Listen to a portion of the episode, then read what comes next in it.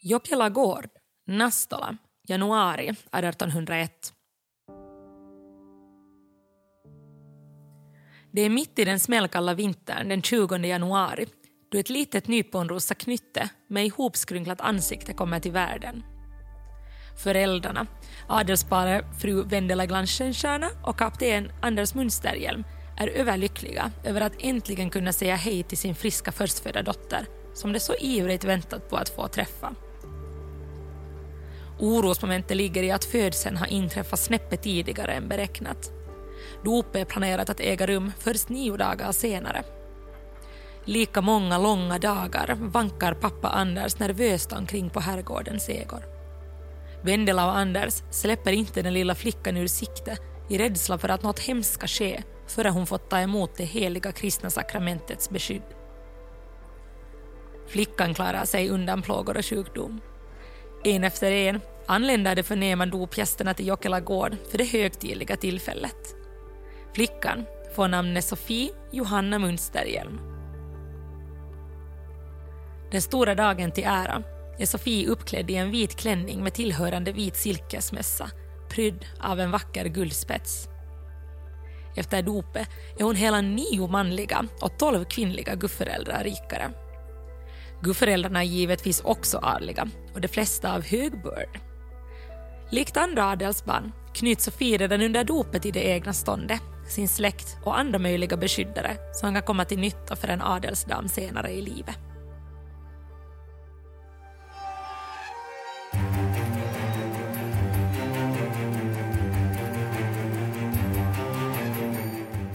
Du lyssnar på Hissapodden med Anna Öhman. Sofie Munsterhjelm, adelskvinna i vått och torrt.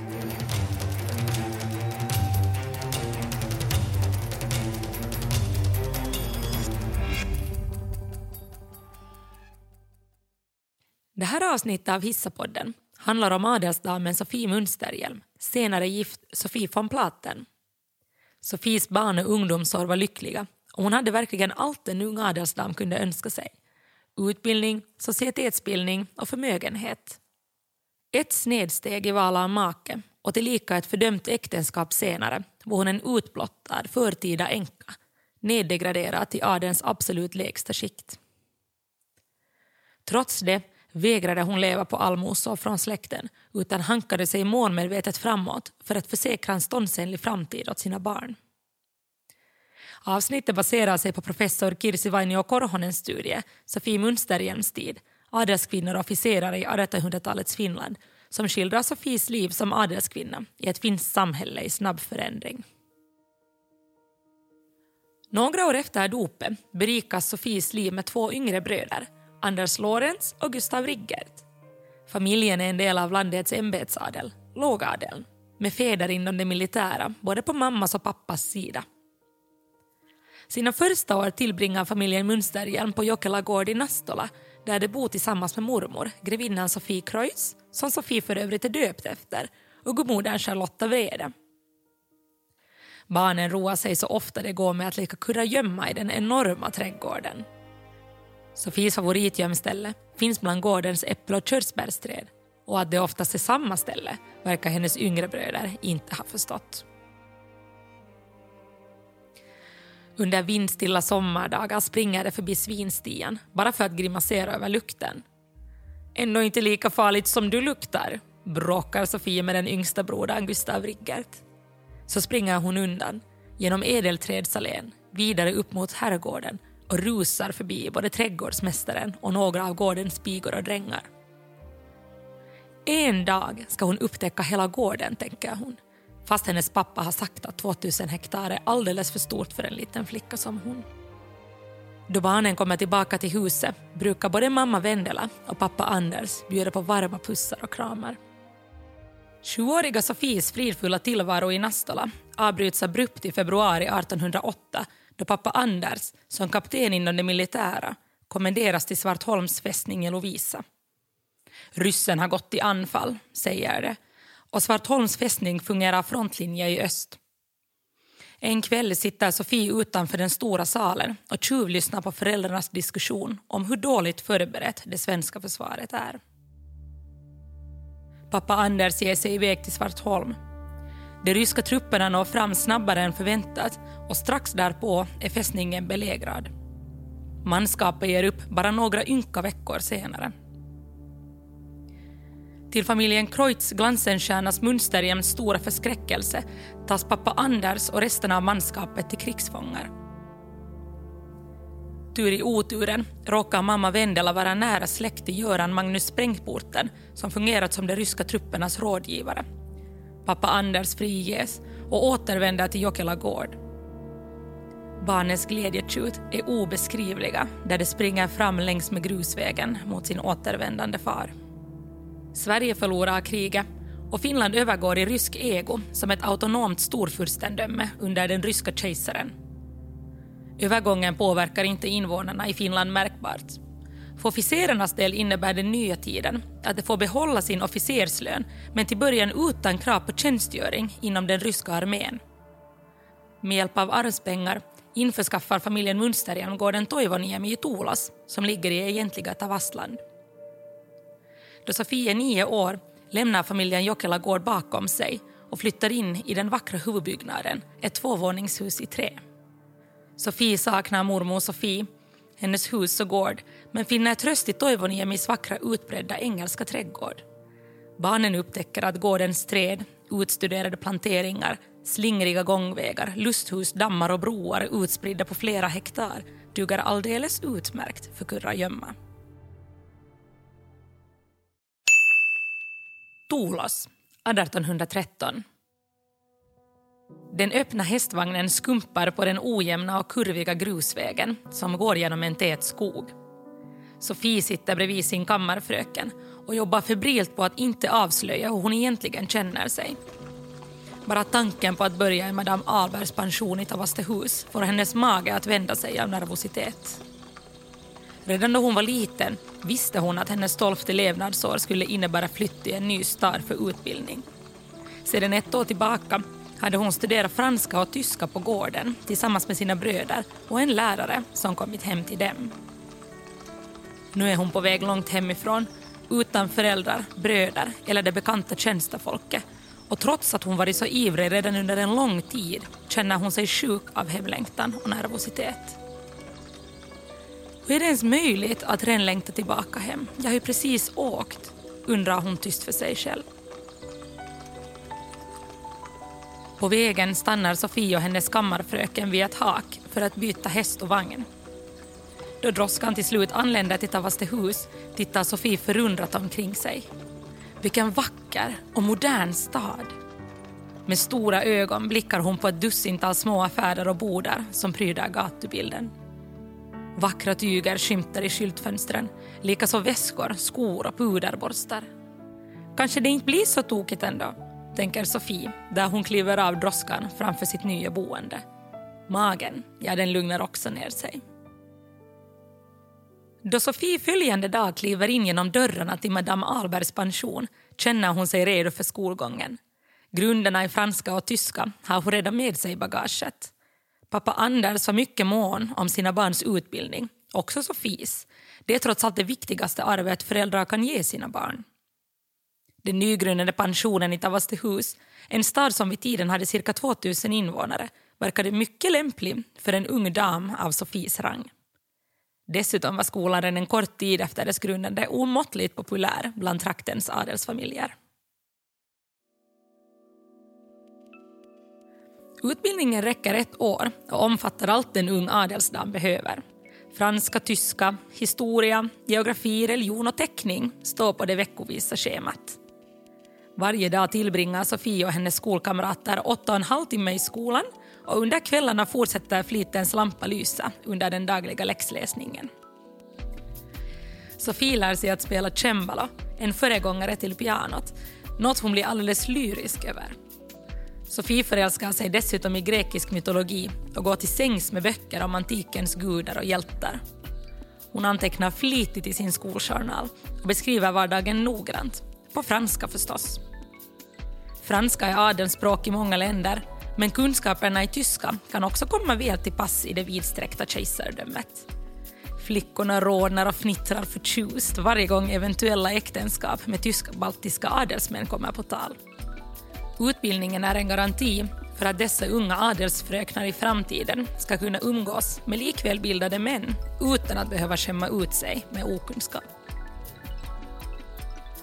Under de längre helgerna som jul, påsk och till fastlagen reser Sofie hem till Toivoniemi gård.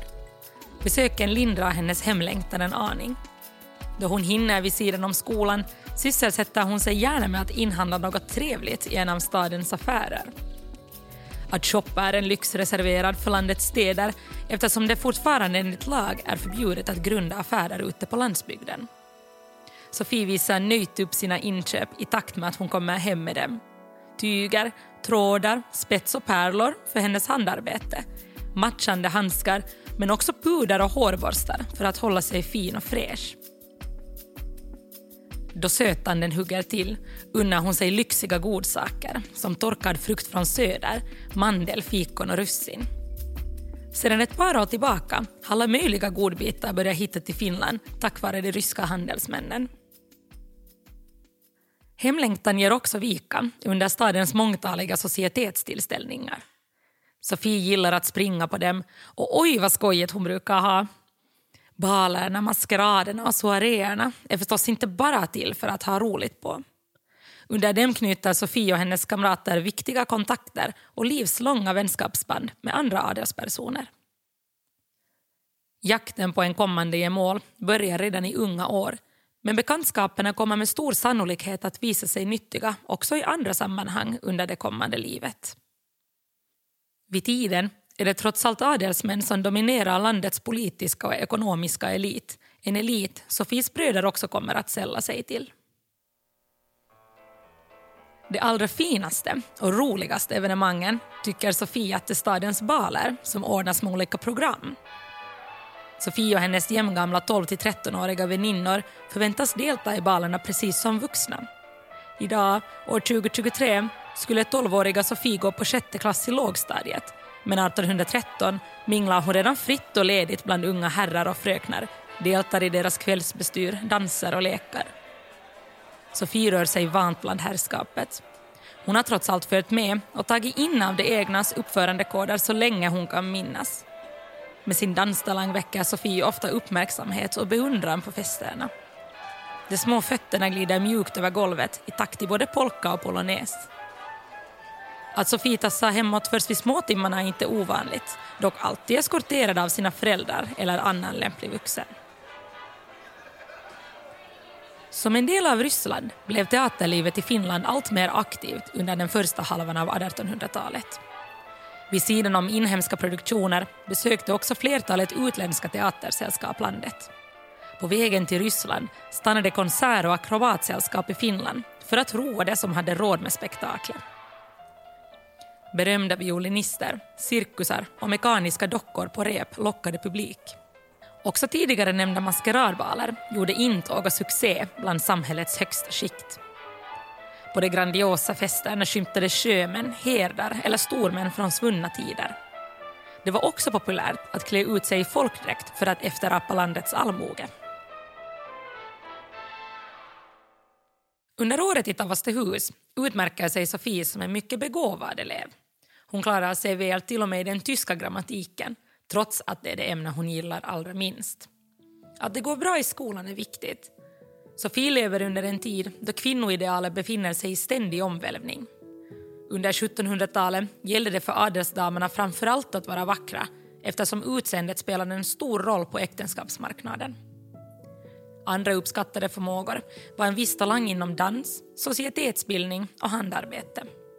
Att gifta sig, hellre förr än senare, var eftersträvansvärt och valet av gemål alldeles avgörande för unga adelsfröknar. Under början av 1800-talet växer de unga adelsmännens lista på uppskattade egenskaper hos en kommande maka. Utseendet och bakgrund var fortsättningsvis viktigt men nu skulle makarna också kunna umgås och föra sig bland de egna. Gärna kunna spela instrument, teckna och sjunga. Bildningen blir också allt viktigare. Mot slutet av seklet slår det borgerliga idealet igenom i alla samhällsklasser. Den perfekta hustrun ska då vara en bildad och flitig familjemoder dedikerad till sina barn.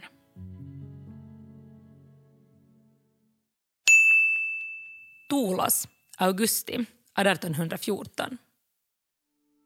13-åriga Sofie är klar med skolan och har flyttat tillbaka till Toivoniemi gård från Tavastehus. För tillfället befinner hon sig på en av granngårdarna i Tolas.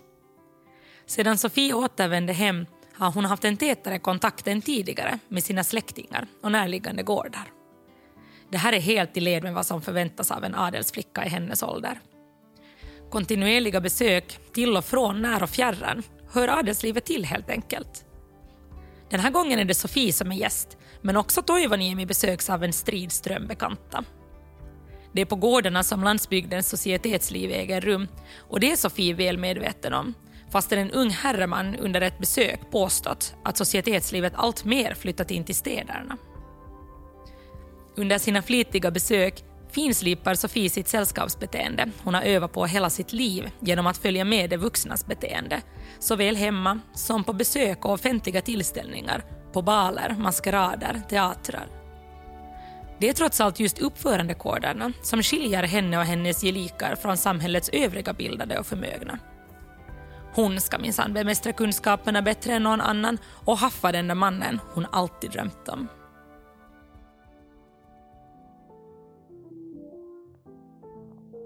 Under de många besöken och svarsbesöken får ogifta fröknar och herrar en möjlighet att lära känna varandra. Vill det sig väl omfattas visiterna av flörtiga blickar vid kvällssoaréer och blygsamma kyssar under promenader i närbygden. Då det kommer till att välja gemål är ramarna inte helt fastspikade. Det viktigaste är att giftermålskandidaten är av rätt börd och sitter på en stadig inkomst eller förmögenhet. Adelskretsarna i Finland är rätt små, vilket också begränsar utbudet. Ofta hittas kompanjonen i den egna släkten, kanske en kusin, småkusin eller ett syskons svåger eller svägerska. Också granngårdarnas utbud synas noggrant. För unga fröknar innebär livet efter skolan också skolning i mer praktiska färdigheter som matlagning, trädgårdsskötsel och handarbete.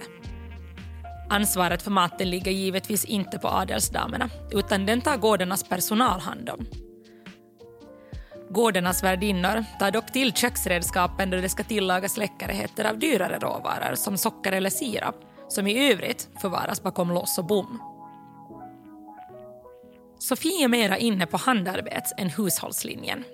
Hon älskar att sy och lägger timtal på att tillverka sina egna vackra klänningar med snirkliga broderier och vackra pärlor. Merparten av herrgårdarnas fröknar står faktiskt själva för sina kläder. De är mycket måna om att se bra ut och hänga med i modets alla svängar. De fina tygerna de använder vid tillverkningen kan verkligen inte betros i händerna på en enkel piga. 15 år gammal når Sofia en milstolpe i livet då hon konfirmeras och därmed är redo för giftermål. Det första erbjudandet om äktenskap kommer knappt sex år senare, i mars 1821, undertecknat Armfelt. Sannolikt är det frågan om herr Otto Fredrik Armfelt. Sofie känner till denna Otto Fredrik sedan tidigare, om än inte någon positiv dager. Hon träffade honom för första gången som 16-åring på barndomsvännen Charlotte von Archenholtz gård. Otto Fredrik hade förälskat sig djupt och olyckligt i Charlotte och gått omkring och väntat på att hon tids nog skulle inse att hennes egentliga gunstling var just han. En hårlock Charlotte överräckt åt honom hade räckt för att hålla dennes förhoppningar vid liv tills han en dag nåddes av beskedet om Charlottes äktenskap. I vredesmod krossade han guldbärlocken han låtit smidas som behållare för hårlocken. Otto Fredrik var inte precis känd för sin goda ekonomi heller. Man hade precis kommit över ett arv på 6 000 rubel. Arvet gjorde den tidigare urfattiga underofficeren tillräckligt förmögen för att kunna anhålla om Sofies hand. Sofie och hennes familj är inte precis eld och lågor över herr Armfeldts förfrågan men överväger ändå hans förslag. Sofies mormor må ha varit grevinna men själv hör hon till skaran av titellös adel och kan inte välja och vraka på äktenskapsmarknaden. Under ungdomsåren kunde flörtiga blickar och romantiska beröringar utdelas till och med över ståndsgränserna men att gå längre än så kom inte på tal. Att gifta upp sig var drömmar reserverade för småflickor. Ett giftermål med någon av samma rang, lågadel för Sofies del, mer av en realitet. Pappa Anders känner till friarens slösaktiga lynne och tvekar. Han är Sofies giftoman, vilket betyder att ett eventuellt äktenskap enligt lag måste godkännas av honom. Han överlåter ändå det slutliga beslutet till sin förnuftiga dotter. Sofie kommer väl ihåg kärleksdrama med Charlotte, den där hårlocken hon hade gett honom och som han burit i ett guldhjärta. Det sägs att han blev självmordsbenägen då nyheten om Charlottes äktenskap nådde honom. Sofie ville att tacka nej till frieriet. Kort därefter gifte sig Otto Fredrik med 16-åriga Amalia Sten istället. Toivoniemi gård, mars 1824. Sorgen har lagt sig över Toivoniemi gård som ett tungt och ihärdigt morgondis. Pappa Anders har precis lämnat jordelivet efter att ha drabbats av en plötslig sjukdomsattack. Och det är inte det enda sorgebudet gården tagit del av. Bara tre månader tidigare gick mormor Sofie bort. Sofie, som fortfarande bearbetar sorgen efter mamma Vendelas död tre år tidigare, är utom sig av sorg. Nu är hon ensam kvar med personalen på den stora gården. Bröderna Anders Lorenz och Gustav Riggert befinner sig långt hemifrån, inom det militära, i det enorma ryska imperiet.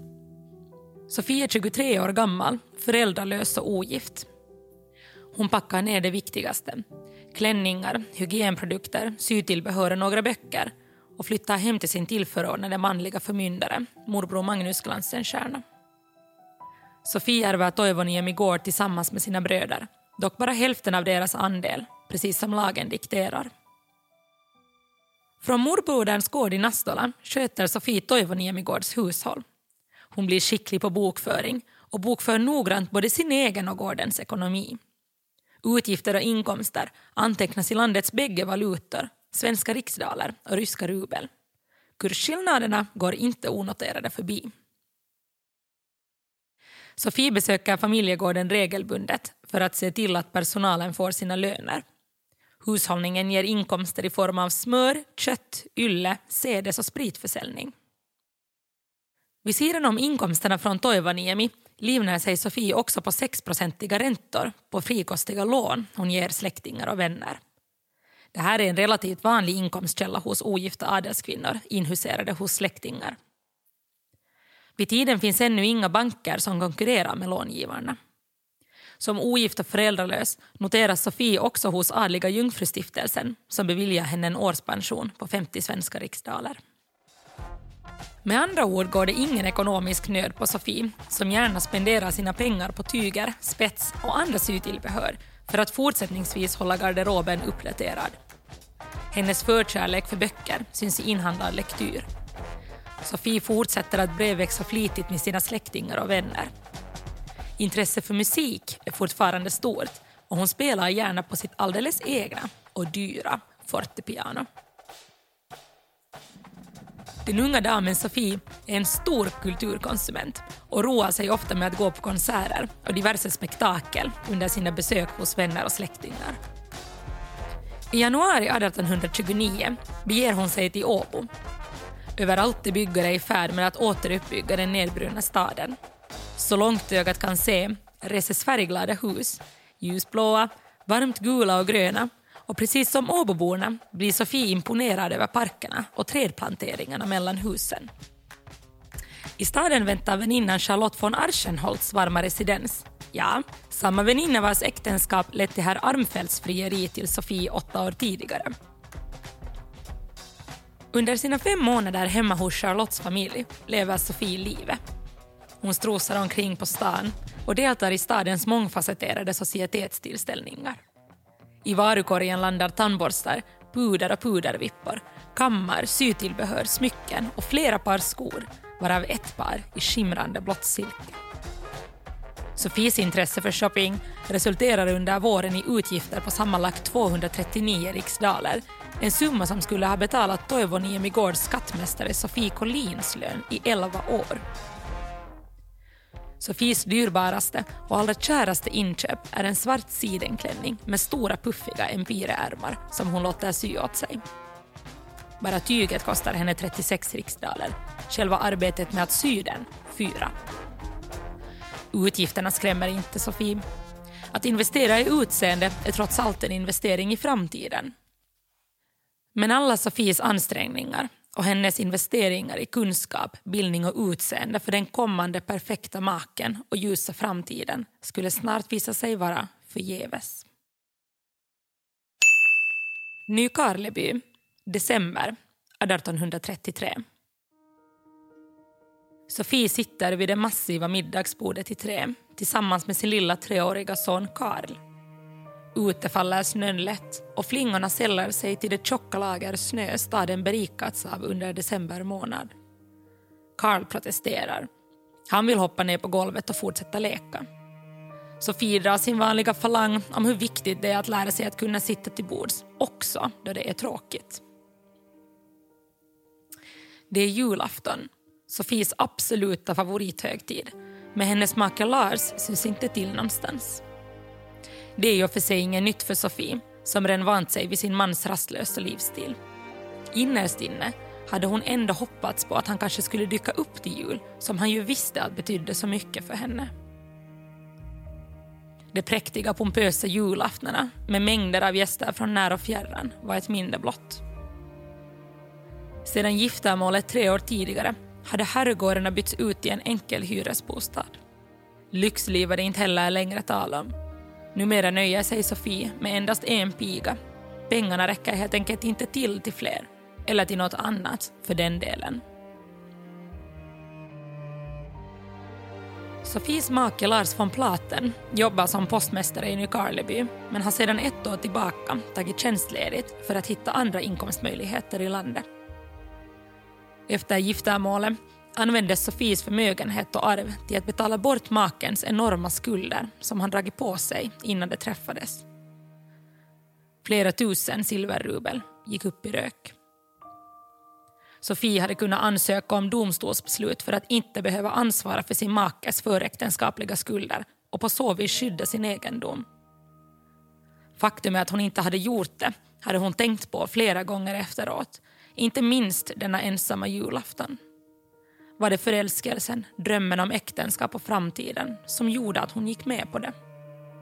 Kanske det, tänker hon uppgivet, för visst älskar hon sin make fortfarande. Då Lars är på plats är han trots allt en god far åt lilla Kalle och han menar ju säkerligen inget illa.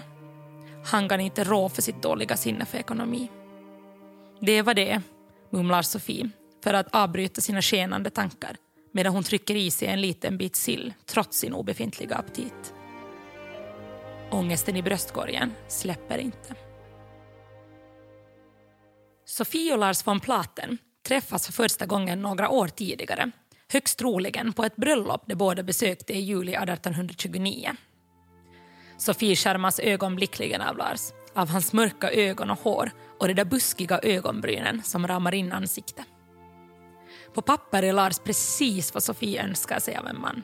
Adlig, med bakgrund och kaptensgrad inom det militära och med en fortsatt karriär inom den offentliga förvaltningen. Det som skiljer sig från vad som är kutym för det egna ståndet är att släkten från Platen inte sedan tidigare är bekant för Sofies släkt eller vänner. Tvärtom, von Platens är relativt okända. En ointroducerad adelsrätt utan politisk representationsrätt. Det Sofie inte vet då och där under deras första pirriga möten är att den dåliga kollen på Lars bakgrund kommer att kosta henne dyrt. Förälskelsen är intensiv men ytlig och förlovningen sker i hemlighet redan samma höst. Kanske är det ett försök från Lars sida att hemlighålla sitt förflutna fram till giftermålet. Det ska nämligen visa sig att Lars redan vid tiden han träffar Sofie är far till fyra utomäktenskapliga barn. Och inte bara det. Mamman till barnen är hans släktgårdspiga Helena Eriksdotter. Både Helena och barnen, som fick efternamnet Plat, bor på gården tillsammans med Lars och familjen från Plat. Det är inte helt ovanligt att adelsmän blir fäder till utomäktenskapliga barn men att nästintill erkänna dem som sina egna och dessutom ha en öppen relation med barnets mor är exceptionellt och mycket opassande för en man av von Platens rang. Det här vet ändå inte Sofie eller hennes närmaste om innan det är för sent. Efter förlovningen tillbringar paret tiden långt ifrån varandra. Sofie hemma i Nastola och Lars i Nykarleby. Sofie är full av iver inför det stundande bröllopet. Som 30-åring är hon redan nästan en gammelpiga på äktenskapsmarknaden och det har hänt att hon funderat över om hon någonsin kommer att hitta den rätta. Hösten och vintern tillbringar hon med att planera varje lilla detalj av bröllopet som vid decembers ankomst inte längre är en allmänt välbehållen hemlighet. Sofie fattar även tyglarna där det kommer till att be sin fästmans föräldrar om välsignelse av äktenskapet något som egentligen hörde till giftomannens uppgifter. I det här fallet Sofies äldsta bror Anders Lorentz. Han befinner sig fortsättningsvis långt hemifrån och Sofie är otålig. För Lars innebär Sofies avsaknad av nära manliga släktingar en lyckoträff. Hans skamfilade rykte har ännu inte nåtts vare sig Nastola eller någon annan som kunde tänkas sätta käppar i hjulen för hans äktenskapsplaner. Lars är mycket benägen om att snabbt spika ett datum för bröllopet. Trots Sofies enträgna försök att få till ett besök till hans hemgård lyckas det inte. Lars vill under inga omständigheter alltså att Sofie får reda på något om Helena eller hans fyra barn.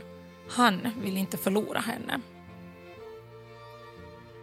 Den 21 mars 1830, klockan ett på eftermiddagen, gifter sig Sofie Münsterhjelm och Lars von Platen i Jokelagårds stora sal. Sofie von Platen är full av kärlek och framtidstro.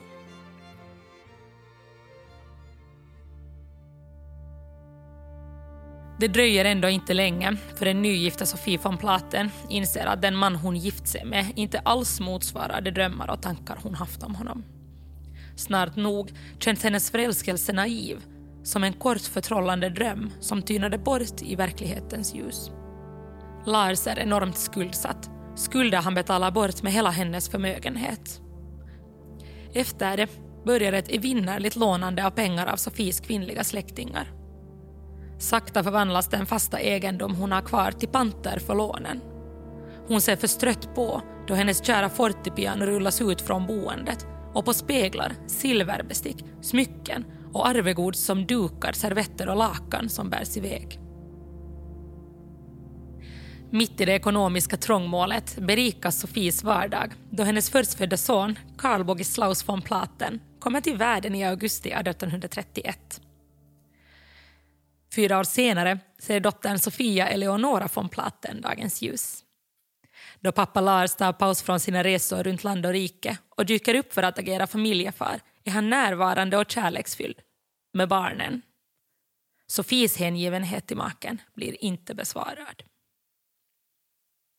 Sju år in i äktenskapet tar det gemensamma familjelivet slut. Sofie har fått nog av Lars obefintliga försök till försörjning. Tillsammans med barnen flyttar hon tillbaka till familjeägorna i Nastola efter att Lars misslyckats med att ordna husrum åt dem på sin släktgård i Heinola. Kort därefter går också Lars karriär som postmästare i Kras då han blir arresterad och dömd för allvarliga tjänstebrott. Bland annat har flera pengaförsändelser försvunnit spårlöst. Lars nekas pension och därmed blir Sofie av med det sista av den lilla försörjning Lars hade kunnat bidra med. Till skillnad från andra adelspersoner i ekonomiskt trångmål som i samtiden ofta överlever tack vare allmosor från släkten börjar Sofie ordna sitt och sina barns uppehälle på egen hand. Men det sker sannerligen inte utan uppoffringar. För att komma ur sin mardrömslikt dåliga ekonomiska situation tar Sofie emot jobbet som personal på den ruskigt rika änkan Aurora de Midovas sommarresidens Träskända gård i Esbo Aurora Stjärnvall var ursprungligen en beryktad skönhet från Helsingfors och tidigare hovdam vid det kejserliga palatset i Sankt Petersburg, kusin till Sofies barndomskompis Fredrika Stjernvall. Aurora hade gift sig med Rysslands måhända rikaste man vid tiden, hovjaktmästaren Paul Demidov, som tyvärr gick bort bara några år efter giftermålet på grund av sjukdom. Sofie flyttar till Träskända med sin nu femåriga dotter Sofia Nioåriga Kalle är på språng med sin far någonstans i Finland. Det är inte i enlighet med vad Sofie vill, men i samtiden är det en fars rätt att uppfostra sina söner, oberoende om han är medellös eller inte. Sofies beslut om att ta anställning hos Demidova tas emot med höjda ögonbryn och förakt inom de egna kretsarna. Arbetet på Träskända ska visa sig bli den mörkaste perioden i Sofies liv. Lars von Platens numera allmänt kända skamfilade rykte lämnar henne inte i fred. Nedsättande ord och blickar, ibland medlidande, blir vardag för henne. Sofie känner sig ofta förödmjukad. Bland gästerna på Demidovas pompösa och lyxiga kalas finns många av Sofies bekanta från barn och ungdomen. Pinsamma situationer uppstår då de har svårt att förhålla sig till att hon, som adelskvinna, jobbar som personal där, hos den ryska aristokratin. Sofie hade nedgraderats till det absolut lägsta hon kunde komma. Den värsta behandlingen står ändå den ryska personalen för. Aurora har hämtat med ett antal anställda från ett av hennes palats på Paradgatan Nevski prospekt i Sankt Petersburg. Det är vana vid lyx och överflöd, en helt annan verklighet än vad den finska landsbygdsadeln har att erbjuda. Likväl har Sofie svårt att förstå sig på den ryska aristokratins överflödiga levnadssätt. Några månader in i vistelsen på Träskända är Sofie utmattad av mängden arbete och glåpord. Hösten 1841 får hon slutligen nog och marscherar bestämt in hos fru Demidova som får höra några välvalda ord om arbetet. Med en kappsäck under armen och lilla Sofia i ett fast grepp i handen lämnar Sofie Träskända och livet som bekänt bakom sig. Aldrig mer, lovar hon sig själv. Toivoniemi gård, augusti 1842. Sofie och barnen är äntligen tillbaka på barndomsgården i Tolas. Sofie hyr gården av sin bror Gustav Riggert som fortsättningsvis är stationerad utomlands. Som gift kvinna kan hon, till skillnad från tiden efter föräldrarnas död, nu själv hyra och agera värdinna på gården hon håller så kär. Efter att ha blivit utestängd från de finska adelskretsarna har Lars återtagit värvning i den ryska armén och befinner sig för tillfället i Dagestan i södra Kaukasien. Där har han och den ryska armén i uppdrag att kväsa muslimska uppror. Då nyheten om makens utpost nådde Sofie blev hon utom sig av förtvivlan. Trots deras misslyckade äktenskap var han fortfarande hennes make, pappa till deras barn. Dagligen oroar sig Sofie för sin man. De uppdaterar varandra så ofta det går via brev men postgången den är trög och oförutsägbar. Den 20 mars 1843 kommer äktenskapet ofrivilligt till sin ände då Sofies farhågor besannas. Lars von Platen stupar i strid. Det här får Sofie inte veta förrän långt över ett år senare då ryktena om Lars död slutligen landar i Finland under hösten 1844. Trots att både Sofie och släkten är medvetna om riskerna män löper inom det militära kommer döden som en chock och stor sorg. Sofie klamrar sig fast vid hoppet om att hennes man kanske trots allt lever Kanske han blivit tillfångatagen. Ända tills det officiella dödsbeskedet anländer år 1845, två år efter makens död. Efter det officiella dödsbeskedet flyttar Sofie och barnen in i broder Anders Lorentz nybyggda huvudbyggnad på Håkansbölegård i Vanda. Anders Lorentz hade inte mycket till övers för sin svåger men han är orolig för sin sörjande syster och vill inte att de ska vara ensamma på Toivoniemi. Till skillnad från sin syster har bröderna Munsterjem klarat sig mycket bra både ekonomiskt och karriärmässigt. På Håkansböle gård får Sofie åter njuta av societetslivet som gäst och inte bekänt. Maskeradbalarna känns som en fläkt från en svunnen tid men dansen och sången sitter i ryggmärgen hos Sofie som inte drar sig från att dra en polonäs, polka eller ställa upp och spela en trudelutt på husets flygel. Då bouppteckningen görs ser Sofie än en gång hur hennes liv som rik arvtagerska gått i spillror. Makens skulder är över dubbelt så stora som arvet. Parets gemensamma egendom värderat till endast 382 silverrubel, en spottstyver mätt i adelsmått. Garderoben är utdaterad och de dyraste klänningarna värderas till bara tre silverrubel. Till antal noteras flest hygienartiklar underkläder, underskjortor, strumpor, linnenäsdukar och lösstegbara kragar. Att vara penninglös betydde aldrig att det skulle ha varit acceptabelt att släppa hygienen. Någon värdighet skulle Sofie ändå ha. Den skärpta lyssnaren kanske noterade att det inte stod något om trosor i bouppteckningen. Det var en nymodighet som blev vanlig bland vuxna först under den senare delen av 1800-talet. Efter bouppteckningen bestämmer sig Sofie för att ansöka om konkurs för att inte längre måste stå för sin slösaktiga makes skulder. En tid senare konstaterar Åbo hovrätt att kaptenskan von Platen och hennes barn inte kan sägas vara ansvariga för maken kapten von Platens personliga skulder. Låneindrivarna får se sig efter pengarna någon annanstans. Sofie och barnen knegar vidare på änkepensionen på 250 silverrubel per år som Anders Lorentz hjälper till att fixa genom att sätta press på sina kontakter inom förvaltningen. I jämförelse uppgår bara brandförsäkringen på hans gård i Håkansböle till närmare 10 000 silverrubel. Vid sidan om änkepensionen hyr också Sofie boskap av Gustav Riggert och säljer de jordbruksprodukter som blir över. För ett par rubel syr hon kragar åt sina kvinnliga släktingar och bekanta som lite generat betalar för sig.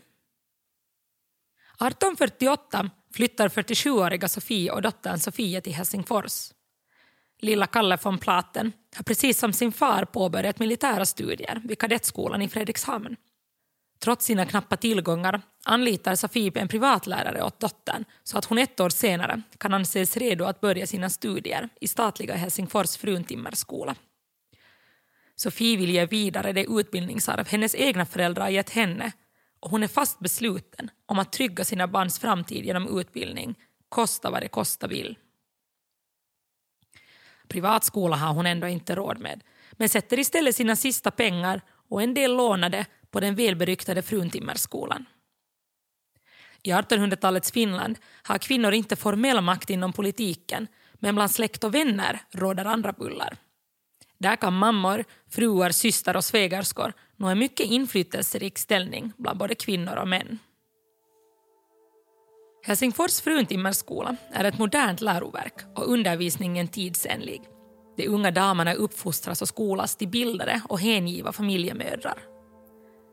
Då Sofie gick i skolan läste hon franska och filosofiska mytologiska texter. Framförallt var det viktigt att känna sig som en del av den europeiska adelskulturen. Sofia går däremot i skolan under en tid av nationellt uppvaknande och nu råder andra buller. De franska texterna har ersatts med texter av Topelius och Runeberg. Pasius musik är populär bland skolans nationalistiska lärare. Vid sidan om finansieringen av skolgången lägger Sofie pengar på diverse utstyrslar för både dottern och henne själv. Det är mycket viktigt att åtminstone utåt ge sken av att allt står rätt till. Dottern Sofias framtida äktenskap och framtid står på spel. Bakom de fina klänningarna och kulisserna utåt ser det ändå annorlunda ut hemma hos familjen von Platen. Till skillnad från många av Sofias förmögnare klasskamrater bor hon med sin mamma i en hyrestvåa på Jorsgatan. Lägenheten är liten och dunkel och består av två rum, kök, tambur, vedlider och en del av en rotfruktskällare. De mörka kvällarna tillbringas i skenet av levande ljus. På vägen till skolan passerar Sofia öppna slakterier, utomhustuppar och en rad av låga träruckel där hon går längs på Alexandersgatan. Vissa eftermiddagar ekar ljuden från piskrapp och skrik från skampålen i Gardestaden ända till Senatstorget. Ibland tycker Sofia att till och med blommorna i Kalvhagen, det som idag är Esplanadparken, böjer sig för de ångestfyllda skriken. De pompösa byggnaderna kring Senatstorget, Nikolajkyrkan, universitetet och senatshuset gör alltjämt intryck på henne där hon balanserar längs med de ojämna kullerstenarna. Sofia drömmer om att flytta till de fina kvarteren, framförallt Boulevarden, som flera av hennes klasskamrater bor i. Verkligheten är dock att mamma Sofie och hon lever från hand till mun. Sofie handlar direkt från stadens butiker och torg, precis som stadens arbetare. De rika som har råd med stora matförråd hemma behöver inte befatta sig med sånt. Hemma hos von Platens serveras surt rågbröd och strömming eller kål, potatis och surmjölk till middag. Ibland lyxar det till det med kött och grädde, mandel och fikon. En dag kommer Sofie hem med apelsiner till dotterns enorma förtjusning. Det smaskar förnöjt medan saften från de söta frukterna rinner ner för mungiporna. Det lilla tvåmannahushållet har också just och just råd med en piga som sköter det mesta av städningen. Då och då drämmer kvarterets bastanta skurerska in för att ta itu med storstädningen. Också tvätten allokeras till annat håll. Sin ekonomiska knaperhet till trots är livet ändå inte glädjelöst. Ibland lånar Sofie pengar av släktingar för att kunna bjuda dottern på något av huvudstadens spektakel. Av dem finns det gott om. Mest förtjust är mor och dotter i klassisk musik. En gång ser de en pantomimbalett, en riktig höjdare. Livet ska ändå än en gång visa sitt sorgliga tryne då sonen Karl, lilla Kalle, stationerad i Björneborg tynar bort i efterdyningen av smittkoppor. Mammas lilla älskling var endast 25 år gammal.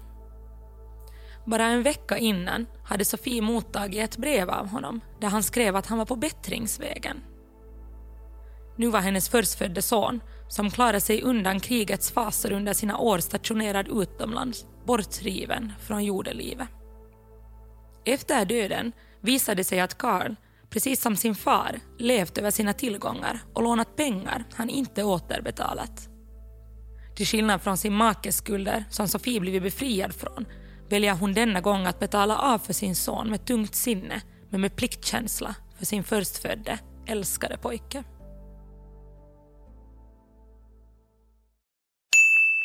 Toivoniemi gård, mars 1855. Det har gått två år sedan Sofia blev klar från fruntimmerskolan i Helsingfors. Mor och dotter har lämnat den pulserande huvudstaden bakom sig och är tillbaka på släktgården i Tolas.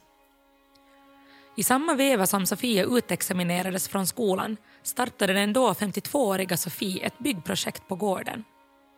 Trots hennes ringa inkomster var hon fast besluten om att flytta tillbaka. Denna gång till ett eget hem i egen byggnad. Och nu, i mars 1855, står huset klart för att välkomna sina nya invånare. Sofie är fast besluten om att detta ska bli hennes sista flytt i livet. Sofie är precis lika driftig hon visar sig vara under hela hennes vuxenliv. Denna gång hyr hon en av brödernas ladugårdar, likväl en del äng och åker. Sofie är sedan tidigare en van hushållerska och säljer boskapsprodukter, potatis, råg havre och korn. Vinsten investerar hon bland annat i linfrön för klädproduktion och i tomatfrön. De exotiska tomaterna kommer hon säkert att kunna sälja dyrt. Några år efter flytten tillbaka till Toivoniemi är hennes ekonomi åter i skick för första gången sedan giftermålet med Lars för över 30 år sedan. Tillgångar som före äktenskapet är det inte tal om men åtminstone kan hon leva utan att ständigt tvingas låna pengar av sina släktingar. Tack vare sin nyfunna ekonomiska stabilitet kan Sofie åter roa sig med rundor hos vänner och släktingar. Också den bortgångne makens släktingar i Tavastehus får ett antal besök. Hon är vid friskt mod och god hälsa och ägnar sig gärna åt inköp och diverse spektakel. Precis som då hon var ung. Från 1864 tillbringar hon nästan all sin tid i Tavastehus. I staden har dottern Sofia funnit lyckan hos magister Mattias Malin som hon förlovat sig med vid en ålder av 26 år. Malin var från en bondesläkt men en bildad man med universitetsutbildning vilket gjorde honom till en acceptabel gemål i ett allt modernare Finland. Dottern kunde åtminstone njuta, om inte av en konventionellt adlig, så åtminstone av en stabil borgerlig vardag. Paret får barn, Sofies barnbarn, och Sofie kan inte annat än att känna en enorm lycka över hur saker och ting till slut hade löst sig. Äntligen kan hon njuta av livet igen. 1866 fotograferas 65-åriga Sofie von Platen i Tavastehus. Ett fotografi hon betalar för med landets första egna valuta, marken. På fotografiet syns en kvinna iklädd en stor puffig klänning med vit krage och rosett. Gässan pryds av en vit huvudbonad i tyg fastknuten under hakan. Håret är kort med lockade ändor som precis täcker öronen. De ljusa, klara ögonen blickar framåt. Minen är bestämd. Året efter fotografiet är taget besöker Sofie återigen Tavastehus för att skratta så tårarna rinner under komedierna Herr Perichons resa, De nygifta och Farbroderns rival. Föreställningarna blir hennes sista. Under 1860-talet döde fler människor än någonsin tidigare i Finland. Klimatet blir kallare och skörd efter skörd misslyckas då vintrarna drar ut på tiden under perioden som kallas för lilla istiden. Under de stora hungersåren 1866 till 1868 dör en tiondel av Finlands dåtida befolkning till följd av svält och sjukdomar. Svälten sätter stora, undernärda och sjuka människogrupper i rörelse i jakt på mat och sjukdomarna sprider sig. Inte heller de rika på sina åtminstone tidigare självförsörjande gårdar går säkra eftersom det ofta är ditåt stegen styrs i jakt på föda. Då Sofie återvänder hem från ett släktbesök hösten 1867 dröjer det inte länge förrän hon börjar känna sig underlig i kroppen. Hon får en olustig känsla, en molande oro eftersom hon inte är obekant med vetskapen om mängden farsoter som härjar i landet och tar kål på folk. Sofies hälsotillstånd förvärras i snabb takt. Hon tampas med hög feber, muskelvärk, rodnande utslag och har svårt att hålla sig för toalettbesök. Tyfus, konstaterar bygdens läkare. Sjukdomen avslutar till slut Sofie von Platens 66-åriga liv i egen säng i det hus hon låtit uppföra åt sig 12 år tidigare. Sofies liv kantades av såväl uppgång som fall. Från att födas in i en adelssläkt och under hela barn och ungdomen drillas till att bli en god gemål för ett lyckligt äktenskap till att förlora alla tillgångar efter ett misslyckat val av make. Sofies stabila och ekonomiskt trygga liv övergick till en överlevnadsskam för sitt och barnens uppehälle. Till skillnad från många andra adelspersoner i samtiden valde Sofie att själv stå för sitt levebröd trots att det kostade henne positionen bland de egna som respekterad adelskvinna. Sofie von Platen var en driftig kvinna som levde under en tid av stora samhälleliga omvälvningar.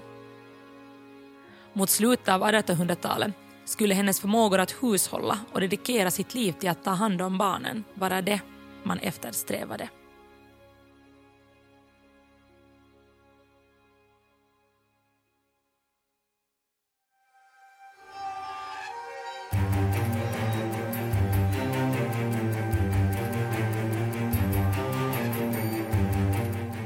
Du har lyssnat på Hissapodden med Anna Öhman. Inspelad av Tobias Jansson och producerad av Freja Lindeman.